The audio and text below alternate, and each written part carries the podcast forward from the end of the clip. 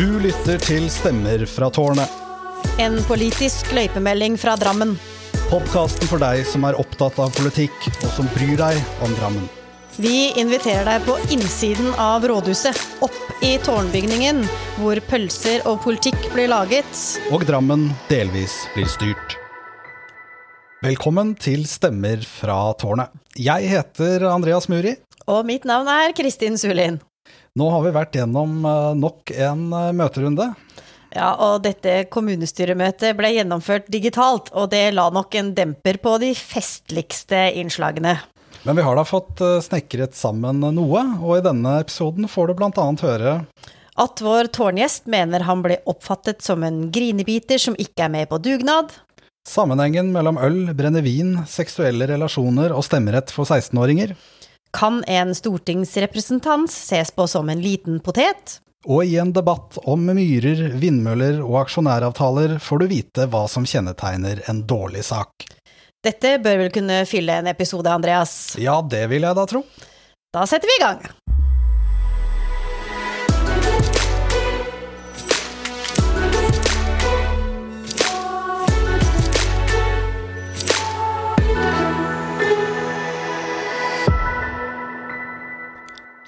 I forrige episode hadde vi besøk av eh, Kristina Mørkve fra Høyre, som eh, gleder seg over kommunestyrets vedtak om studenthus i Drammen. Denne ukens tårngjest er en av Drammenspolitikkens gamle travere. Han har sittet i Drammen bystyre i en eh, årrekke, og har også representert Buskerud på Stortinget i 16 år. I år har han kanskje markert seg mest som skeptiker til en del av de innførte smitteverntiltakene. Da har vi med oss eh, FrPs gruppeleder Ulf Erik eh, Knutsen. Og Ulf Erik, hvorfor har det vært viktig for deg å markere motstand mot smitteverntiltak? Ja, altså, eh, Det er jo smitteverntiltak. Vi står jo på dagsordenen overalt nå. Og vi politikere vi har jo måttet forholde oss til dette her nå i, siden mars. Og vi skal ha en mening om det. Eh, jeg har uh, vært litt kritisk innimellom, fordi jeg mener det er, noen, det er en oppgave for oss uh, politikere, både lokalpolitikere og rikspolitikere, å stille noen kritiske spørsmål. Utfordre ekspertene litt og, og stille dem spørsmål bl.a. om ja, hvis dere foreslår å stenge ned treningssenteret, vil det virke? Har det noe effekt? Når dere stenger ned puber og restauranter, har det noe effekt? Og jeg stilte jo også ganske tidlig spørsmålet ja, hva med innvandrergruppene? Så kom det jo frem etter en måneds tid at det faktisk var store utfordringer med innvandrergruppene.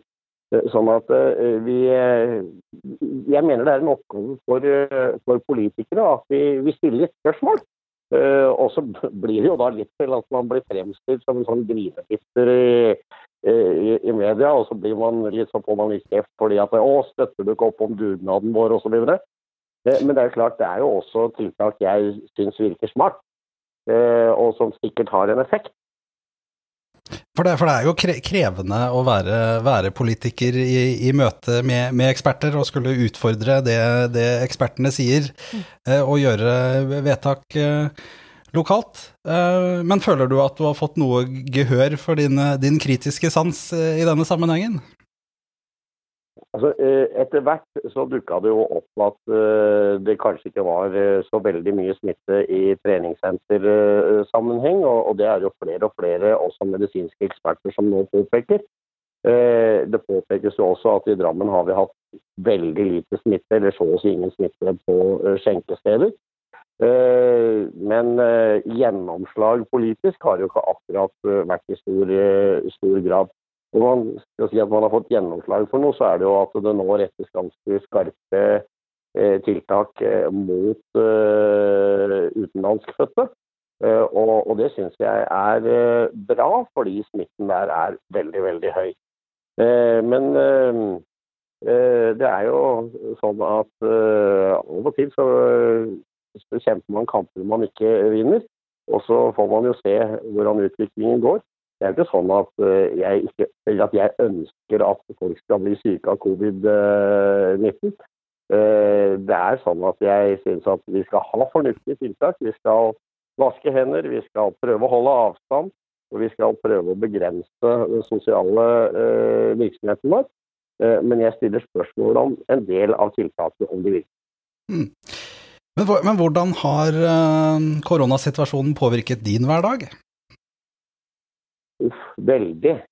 Uh, jeg er et veldig sosialt menneske som liker å være ute blant folk. Jeg liker å gå på jobben og møte kollegaer og, og, og diskutere. og jeg liker å gå på politiske møter i Drammen kommune. Jeg liker å være på idrettsbanen sammen med sønnen min. Uh, og, og alle disse tingene er jo ting som vi nå ikke får gjort. Eh, vi blir sittende gjerne på Jeg har en kontorjobb i eh, en av eh, Drammens nabokommuner. Og det er jo fryktelig mye hjemmekontormøter. Og på Teams og på Zoom, og som, alle, som veldig mange kontorister nå kjenner. Jeg syns det er veldig kjedelig. Ja, det, det, kan vi være veldig enig i, Ulf Erik. Så får vi håpe at det blir en, om ikke en ende, i hvert fall en, en eh, litt mer normalisert hverdag eh, etter hvert. Ja, eh, og jeg, altså det er, veldig mange klarer seg veldig greit i den situasjonen vi er i nå. Men eh, jeg har jo vært litt aktiv i en forening som heter Mental Helse. Jeg vet at det er mennesker som sliter med ensomhet, med psykiske plager, angst og depresjoner. Og eh, jeg er veldig bekymret for hva denne, eh, denne koronaen gjør for de menneskene som kanskje har et begrenset sosialt nettverk. Eh, de har kanskje begrenset med familie rundt seg. Eh, de tror jeg har det veldig ille akkurat eh, nå. Ja. Eh, så får vi bare håpe at statistikkene på selvmord og den type ting holder seg nede. Men jeg snakket med en lege i går, og han hadde i og for seg to budskap til meg. og Det ene var at det er mange med psykiske plager som nå sliter, og, og at det er en del av de som får covid-19, som blir veldig syke. Uh, jeg visste vel egentlig om begge, begge, tingene, men jeg er veldig bekymret for hva det har å si for, for psyken til folk. Ja, det er vi helt enige i, og det er også viktig at vi nå følger opp med ikke bare smitteverntiltak, men også avbøtende tiltak for å hjelpe de som, som, eh, som, som trenger det i etterkant av det her også. Men veldig fint, Ulf Erik. Det er første gang vi har korona på, som tema her i Stemme fra tårnet, og da syns vi at du skal fortsette å være, bruke din kritiske sans og, og stille de vanskelige spørsmålene, for det er du absolutt god til. Så takker vi for at du var her sammen med oss i dag.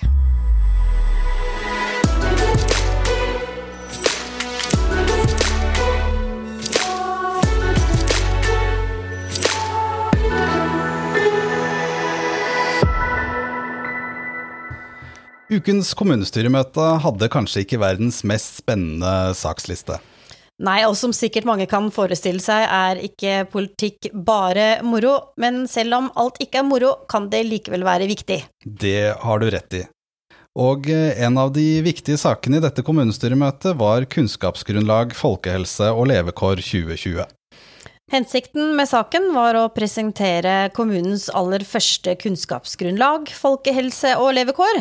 I dokumentet fremkommer et overordnet statusbilde av faktorer som har betydning for folkehelsen i Drammenssamfunnet. I saken foreslo rådmannen også at dokumentet benyttes som et utgangspunkt for et kontinuerlig oversiktsarbeid, som innebærer at nøkkeltallene vil oppdateres. Det skal ikke stikkes under en stol at det finnes eh, levekårsutfordringer i Drammen, så la oss høre hva noen av kommunestyrets representanter hadde å si om saken. Først ut er Lavrans Kjerrulf fra Frp. Ja, tusen takk, ordfører. Dette kunnskapsgrunnlaget er noe vi skal ta med oss, og som danner grunnlaget for mye viktig arbeid vi skal gjøre i, i tiden vi har framover og i denne kommunestyreperioden. Nå er det jo slik at det ligger veldig mye interessante tall i de vedleggene som ligger til saken. Dette har vært diskutert i diverse komiteer. Jeg ønsker å vise til eh, Dagsavisen Fremtiden, som har gjort en kjempejobb med å dykke ned i disse tallene. og Det var en sak som kom på trykk, eller kom i hvert fall ut eh, på nettet i går, hvor vi dessverre ser at det er veldig mye som går i gal retning når det gjelder fattigdomsproblematikk og integreringsproblemer i, eh, i kommunen vår. Vi ser f.eks. at bydelen Fjell viser at der, på tross av at vi har hatt Fjell 2020 og lagt ned mye arbeid der, så så går det i gæren retning. For å, for å, si det rett ut, Når det gjelder frafall i skolen f.eks., så peker den sonen seg spesielt ut. Og Det er gjort mye gode erfaringer i de tre gamle kommunene på dette. I gamle Drammen kommuner så hadde vi et eget integrerings- og fattigdomsutvalg i forrige periode. De kom med en del konklusjoner, og et enstemmig kommunestyre i gamle Drammen kommune vedtok å lage et integreringsbarometer for å se litt hva er det som funker, hva er det som ikke fungerer, hva kan vi gjøre bedre, hvordan kan vi måle hvor godt vi lykkes med ulike tiltak osv. Altså hvor gode er vi, og hvor ligger forbedringspotensialet. Så Fremskrittspartiet har et eh, forslag til et nytt eh, kulepunkt. I rådmannens framlegg er det jo en rekke kulepunkter som, eh, som danner grunnlag for hvordan dette skal gjøres videre. Vi har et forslag til et nytt kulepunkt, som er at dette arbeidet med Altså Det som blir gjort med integreringsbarometeret, at det tas med videre i det arbeidet som skal gjøres med kunnskapsgrunnlaget videre. Så det forslaget er sendt ut til alle medlemmer, og vi ber om å få votert over det. Takk. Da går vi videre på talerlista. Skal vi se om jeg prøver det. Da hopper jeg over den som Herman hadde der. Og videre da til Victoria Høyvik fra Høyre. Vær så god. Takk for det, ordfører. Um, først så må jeg jo si at det er et grundig og viktig dokument som jeg først og fremst må skryte av. Eh, for her er det jo veldig mye vi kan jobbe videre med. Og det viktigste er jo at det arbeidet som har blitt gjort, og det som kommer til å fortsette, ikke blir lagt i en skuff. Eh, for dette er jo et kontinuerlig dokument som man hele tiden må jobbe med i tråd med utviklingen i kommunen. Eh, for eksempel så ble det jo nevnt i ungdomsrådet da saken var oppe der, at man ikke har fått hentet inn Ung Datatall pga. koronapandemien. Og det er jo klart at Hadde man gjennomført den undersøkelsen i januar, før eh, pandemien, i mars eller nå, så ville nok også svarene vært eh, ganske forskjellige. Og det gjelder jo ikke bare for ungdommene våre. Eh, og uavhengig av pandemi eller ikke, så er jo dette et dokument som vi bør bruke aktivt. Og selvfølgelig ikke bare for ungdommene, men for alle innbyggerne og alle aldersgrupper. Um, og Dokumentet det viser jo også at vi har en vei å gå på en del områder, og at det er mye som vi må ta tak i, som andre også har nevnt i dag. Uh, likevel så er vi i Høyre optimistiske. Vi gleder oss til å jobbe videre med dette. Vi syns også det er veldig bra at det har vært grundig behandla i alle utvalga, men også sideråd, sånn som ungdomsråd, Eldrerådet eksempelvis. Eh, og så til slutt så støtter vi også det eh, punktet som har kommet fra Frp, og gleder oss til å jobbe videre med det. Takk. Den mest inntegnede taler, Rune Kjeldsen fra SV, vær så god. Takk for det, ordfører. Kunnskapsgrunnlaget er, som mange flere før har sagt, et viktig redskap for å utarbeide treffsikre tiltak Fattigdom er hovedgrunn til både manglende integrering og folkehelse, livskvalitet. Økt barnetrygd er et av de mest treffsikre bidragene til både økt livskvalitet og bedre folkehelse. Å få folk ut i jobb og utdanning er gode tiltak. Begge tiltakene vil kreve innsats i form av penger og personell fra kommunen. Noe vi ser fram til kommer. SV støtter ikke eh, FrPs tilleggsforslag. Vi har virkelig nok av målinger og rapportering. Takk, Takk for det, Rune Kjeldsen, SV. Skal vi se, da fikk du en replikk fra Lavrans eh, Kjærulf. Jeg ser så har du bedt om replikk to ganger, Lavrans. Det er ikke nødvendig, så jeg regner med at du bare skal den en gang mot Rune Kjeldsen. Vær så god. Ja, Når Rune Kjeldsen har ordet, så er det kanskje greit med to replikker for å være helt på den sikre siden. Mitt spørsmål til Rune Kjeldsen eh, går jo på at i forrige periode så var jo Sosialistisk Venstreparti et av de partiene som ivret for et slikt integreringsbarometer. Den gang var jo argumentasjonen at vi måtte vite hvilke tiltak som fungerte og hvilke som ikke fungerte, og at vi måtte ha mer kunnskap på området. For å kunne sette inn treffsikre tiltak, så måtte vi vite enda mer og ha kunnskap. Hva er det som er grunnen til at eh, SV har snudd 180 grader i, i den saken? Det er jo faktisk eh, det er ikke veldig mange år siden, altså det var helt på tampen av forrige kommunestyreperiode, at et enstemmig den gang Drammen bystyre gikk for at vi skulle lage et sånt integreringsbarometer. Så hva er grunnen til denne snuoperasjonen? Ønsker Rune Kjeldsen tilstå på replikken? Ja, det, det, ønsker jeg. Så for det første så opplever vi ikke at det er noen eh, snuoperasjon. Det er eh, som jeg sa i mitt innlegg, vi opplever at det er mer enn nok med rapportering og målinger av de tiltakene som er. Sånn at vi ser ikke behovet for et eget integreringsbarometer. Takk. Da debatten var over, ble formannskapets eh, innstilling eh, enstemmig vedtatt, og mot stemmene til SV, Rødt og halve Miljøpartiet ble forslaget om integreringsbarometer fra Frp også med i vedtaket. Ja, En vikt, annen viktig sak som ble behandlet denne uken, var høring på valglovutvalgets forslag til ny valglov. Regjeringen oppnevnte i 2017 et utvalg som skulle lage forslag til ny valglov og vurdere endringer i eh, valgordningen. Utvalgets oppgave var å se på alle sider av valggjennomføringen, og om endringer i fylkesstrukturen bør få konsekvenser. Regjeringen har sendt eh, valglovutvalgets forslag ut på høring, og kommunestyret behandlet denne uken Drammen kommunes eh, høringssvar. I kommunestyredebatten var det stemmerett for 16-åringer, endringer i valgkretsene og sperregrensen for utjevningsmandater som var de heteste temaene.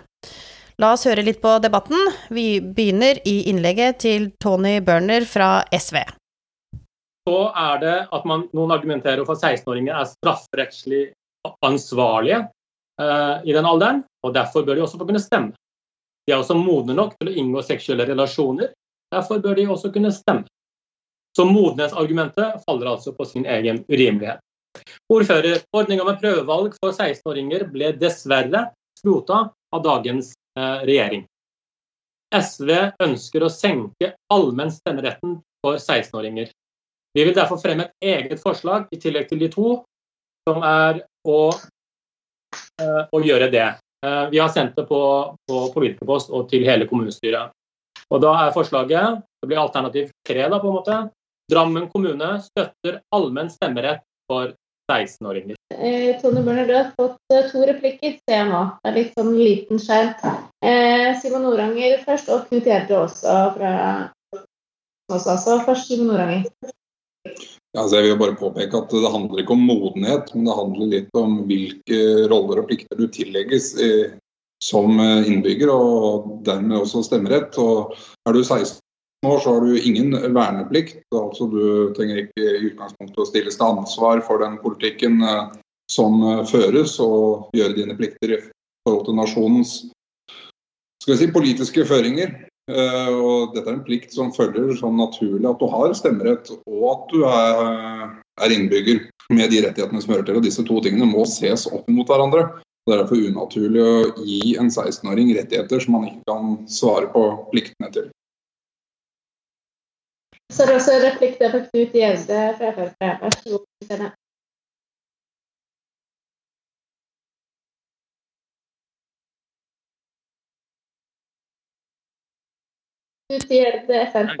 Ja. Mener også Børner at uh, disse 16-åringene som da blir myndige, også skal ha lov til å kjøpe øl og brennevin. Takk. Da har representanten Børner mulighet til å svare på replikker fra Noranger og Gjerde. Vær så god. Takk for det. Ta først uh, Noranger. Ja, altså det er jo noen uh, plikter og rettigheter man får i ulike aldre. Når du er 16, så er det som jeg nevnte i stad, så er du strafferettslig ansvarlig. Du er også moden nok ifølge loven å inngå seksuelle relasjoner. I det perspektivet kan man argumentere for at man også burde kunne stemme. Eh, det er ikke noe mer naturlig å la en 90-åring stemme som det det er for en 16-åring. Så det er på en måte like naturlig eller unaturlig. Uh, derfor støtter vi det. Uh, så det siste Hvem var det fra igjen? Det var fra Frp, var det ikke? Det fikk jeg. Um, det var noe med alkohol. Nei, det stemmer vi ikke for. Det er jo en helt annen sak. Uh, det er jo ikke sånn, det er ikke sånn slippery slope, at hvis du gjør det, så må du gjøre det andre. Men uh, i dette tilfellet så er det i hvert fall, uh, i hvert fall slik at SV lenge har uh, kjempa for 16-åringers stemmerett. Og det vil vi som sagt fremme her i dag. Neste taler er Victoria Fevik fra Høyre. Vær så god. Tusen takk for det, ordfører. Eh, nå har jo vår gruppeleder redegjort for hva vi kommer til å stemme i denne saken, men jeg tenkte jeg også skulle slenge meg på debatten om eh, 16-årig stemmerett og redegjøre litt nærmere for vårt syn der. Um, og Grunnen til det er jo fordi at saken også har vært oppe i ungdomsrådet. Og Der ble det jo eh, drøfta veldig mye fram og tilbake, egentlig. Det er veldig mange av de eh, på en måte begrunnelsene for hvorfor man er mot og hvorfor man er for, også kom opp. Eh, og Der gikk man jo til slutt for å, å stemme for 16-årig stemmerett, men med en tilførsel om at man da trengte mer demokratiopplæring for å kunne være i stand til å stemme. Eh, og så skal ikke jeg gå inn i og mene noe om hvor mye kunnskap 16-åringer har eller ikke, og hvor seriøst man eventuelt tar det. fordi eh, jeg tror veldig mange av oss som i hvert fall er unge i kommunestyret, også valgte å engasjere oss når vi var veldig unge selv. Og jeg har også bakgrunn fra ungdomsrådet og vet at eh, man kan være veldig godt opplyst og veldig eh, seriøs også når man er ung. Men det det går på for oss i Høyre, det er nettopp dette med eh, rett og plikt. Og Det som også har vært nevnt tidligere, det er jo nettopp dette med at hvis man skal ha stemmerett som 16-åring, men samtidig ikke være valgbar, så mener vi at det blir grunnleggende feil. Rett og slett fordi at skal man ha stemmerett, så bør man også ha fulle rettigheter, også da til å kunne bli valgt. Og Det er det det går på for oss, og derfor er vi da eh, også mot 16-årig stemmerett. Ønsker at det skal være sånn som det er i dag, at det følger myndighetsalderen. Selv om meningene spriket i alle retninger, var det ikke de store endringene det ble flertall for i kommunestyret. Nei, i høringsuttalelsen anbefaler Drammen kommune å beholde de gamle fylkene som valgkretser ved stortingsvalg, og å beholde dagens sperregrense på 4% og jaggu vedtok vi også at stemmerettsalderen på 18 år bør videreføres.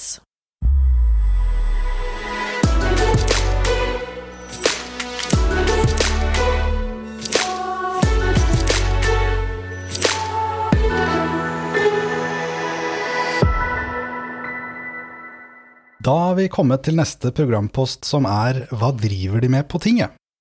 Dagens rapport kommer fra en som bør være kjent for de fleste som følger litt med.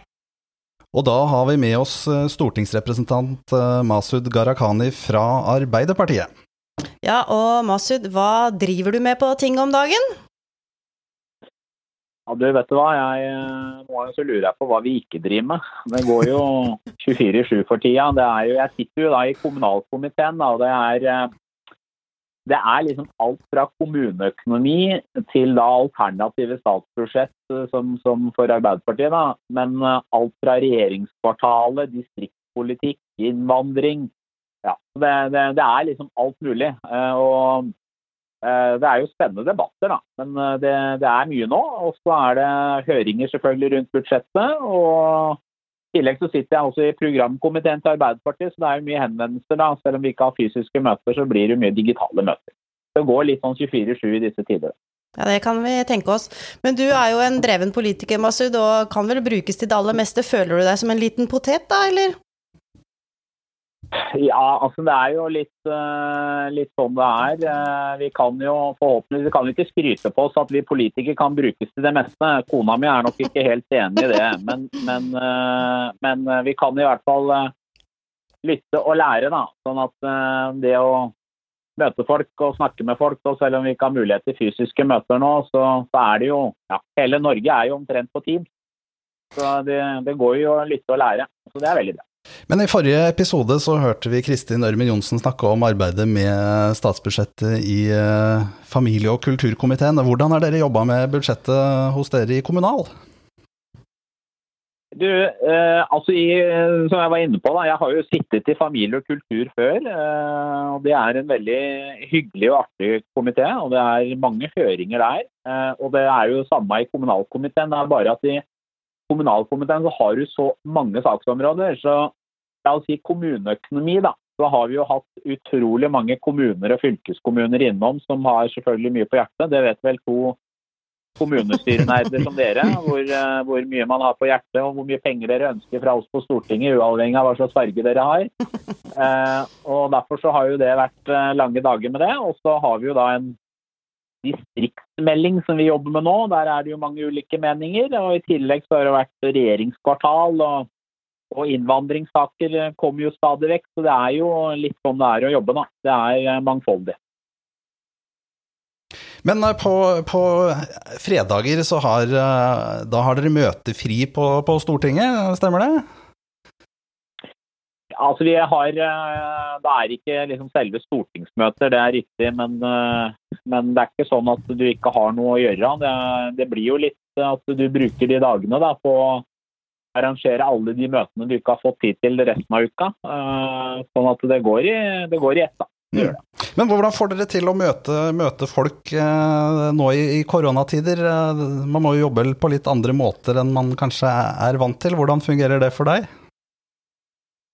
Jeg må jo si at uh, altså for noen måneder siden så var jeg i gang med sånn reiser igjen i Buskerud. Jeg er jo veldig glad i å reise. da. Altså jeg, jeg sier at jeg uh, syns det er veldig artig å være på Stortinget, men, uh, men jeg syns det er veldig kjedelig å bare være inne på Løbakken. Altså Det jeg elsker mest med den jobben, er jo egentlig liksom reise rundt og møte folk og lokalsamfunn og høre på hva de har på hjertet. og Folk får jo til uh, veldig mye bra i dette landet her. Eh, men så er det jo litt sånn da, pga. smittehensyn så må vi jo selvfølgelig redusere det. Men da blir det jo Teams-møter. Jeg må jo ærlig innrømme at jeg tror jeg aldri har hatt så mange møter i løpet av en dag jeg, som jeg har hatt gjennom denne Teams-tida. For det blir jo litt sånn at eh, du, du kobler deg inn fra ene møtet til det andre. Uh, så du sitter jo i utrolig mange timer da. Men det er på samme måte en eh, fin, fin anledning til å holde hjulene i gang, da. Selv om vi ikke kan ha fysiske møter. Ja, vi kan kjenne igjen det med rekken av Teams-møter i kommunepolitikken også. Det er, når det ikke er noe behov for å forflytte seg fysisk, man, så blir det fort mange møter digitalt. Så det blir ikke så mye vandring i vandrehallen om dagen da, kanskje? Nei, det er ikke så mye vandring der. Nå har det jo blitt eh, naturlig nok pga. smittetrykket som er eh, Ja, det kjenner vel alle vi i Drammen hvor krevende det er nå, men det er ikke noe mindre krevende i Oslo. Så det er jo masker og det er jo å prøve å gå rett inn i salen og sette seg og, ja, og passe på avstand og alt dette, da. Men mm. uh, vi har jo ikke anledning til å ha Teams-møter når vi arrangerer selve stortingsmøtet. Sånn er jo Grunnloven, og derfor så må vi på en måte ja, holde hjulene i gang i landet. Men mye av komitéarbeidet foregår jo nå på Teams, da. Det er jo egentlig litt fint. Ja, men veldig bra, Masud. Vi, som de politiske nerdene vi er, så fulgte vi jo litt med på Stortingets spørretime, og da så dere ut som en gjeng med bankranere alle sammen som satt der. Så, men eh, vi får jo håpe at eh, at eh, det kommer en vaksine snart, og at vi kommer tilbake til mer normale tider. Så da tror jeg vi sier takk til deg, vi, Masud, og så ønsker vi deg lykke til videre med all jobbingen din. Takk skal du ha. Det var hyggelig å være sammen med dere. Så får dere stå på dere, Jona. Ja, takk for det. Ha det godt. Ha det.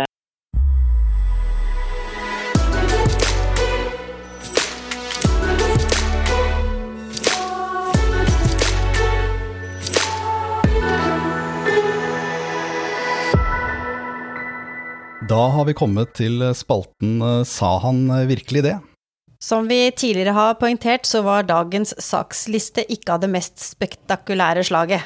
Og det bærer også møtets innlegg preg av. Tross det var det allikevel noen godbiter.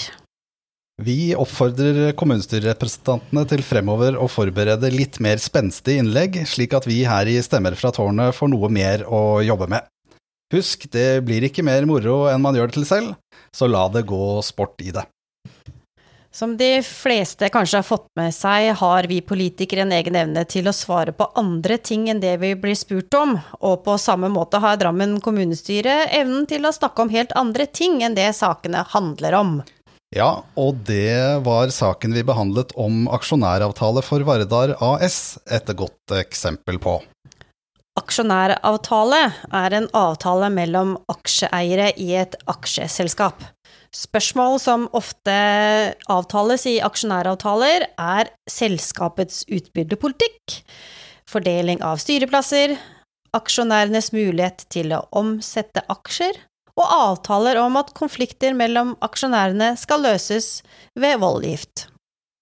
Debatten i kommunestyret skulle vise seg å handle om helt andre ting, hvor en noe uvanlig konstellasjon rottet seg sammen. La oss eh, høre et kort utdrag fra den svært lange debatten, langt utenfor det aksjonæravtaler normalt handler om. Først ut er Ståle Sørensen fra MDG. Ja, takk, eh, ordfører. Jeg vil jo si det sånn på et generelt grunnlag at eh, når Nei til bom, Fremskrittspartiet og Rødt er enige om en sak, så pleier det å være en veldig dårlig sak. Neste inntegner og siste da er Anders Lunde fra Nei til bomring. Vær så god. Ja, Nå tok vi jo litt av den debatten under uh, utsettelsesforslaget. Jeg bare registrerer at det er mange partier som syns ei fjellmyr og på Åsia, uh, ifølge MDG, den er veldig viktig. Men noen, en tørr myr oppå Åsia er viktigere, uh, er veldig viktig for MDG. Men flere kvadratkilometer fjellmyr, det er ikke så viktig. Det syns jeg er litt pussig. takk. Jeg forstår det slik sånn at du ikke klarer å få brukt systemet heller på å tegne og be om ordet eller replikk. Ja, da får jeg bare gi Bare rota litt. Ja. Uh, har du replikk til Anders Lunde, regner jeg med? at Ja, nei, altså jeg ser jo selvfølgelig verdien av eh, begge, men det er jo ikke det Rødt foreslo. Rødt foreslo at man skulle gå konsekvent imot at Drammen kommune skal eie et selskap som har noe som helst med vindmøller på land å gjøre. Det er det jeg sier er ekstremt så finnes det gode og dårlige vindmølleprosjekter, og noen av de er jeg imot, og andre er jeg veldig for. Men uh, å konsekvent gå imot at vi skal eie selskaper med vindmøller, det, det er lite fremtidsretta. Så det er jeg faktisk litt overraska over at uh, du og enkelte fra Frp også ble med på, da. Så vi vil understreke at det er helt greit å mene disse tingene, men at eh, slike ting ikke behandles på denne måten. Det stemmer. Dette er problemstillinger som kan reises når kommunestyret behandler kommunens eiermelding.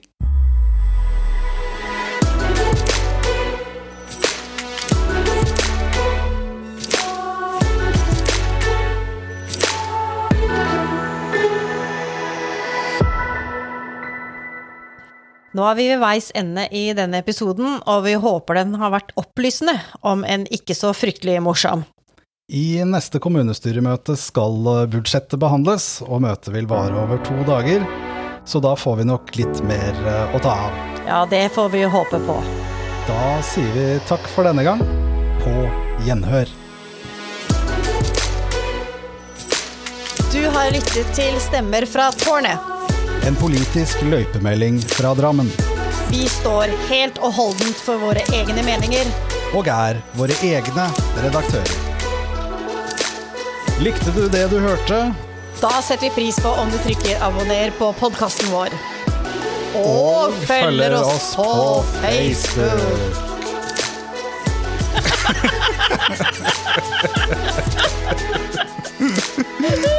Facebook.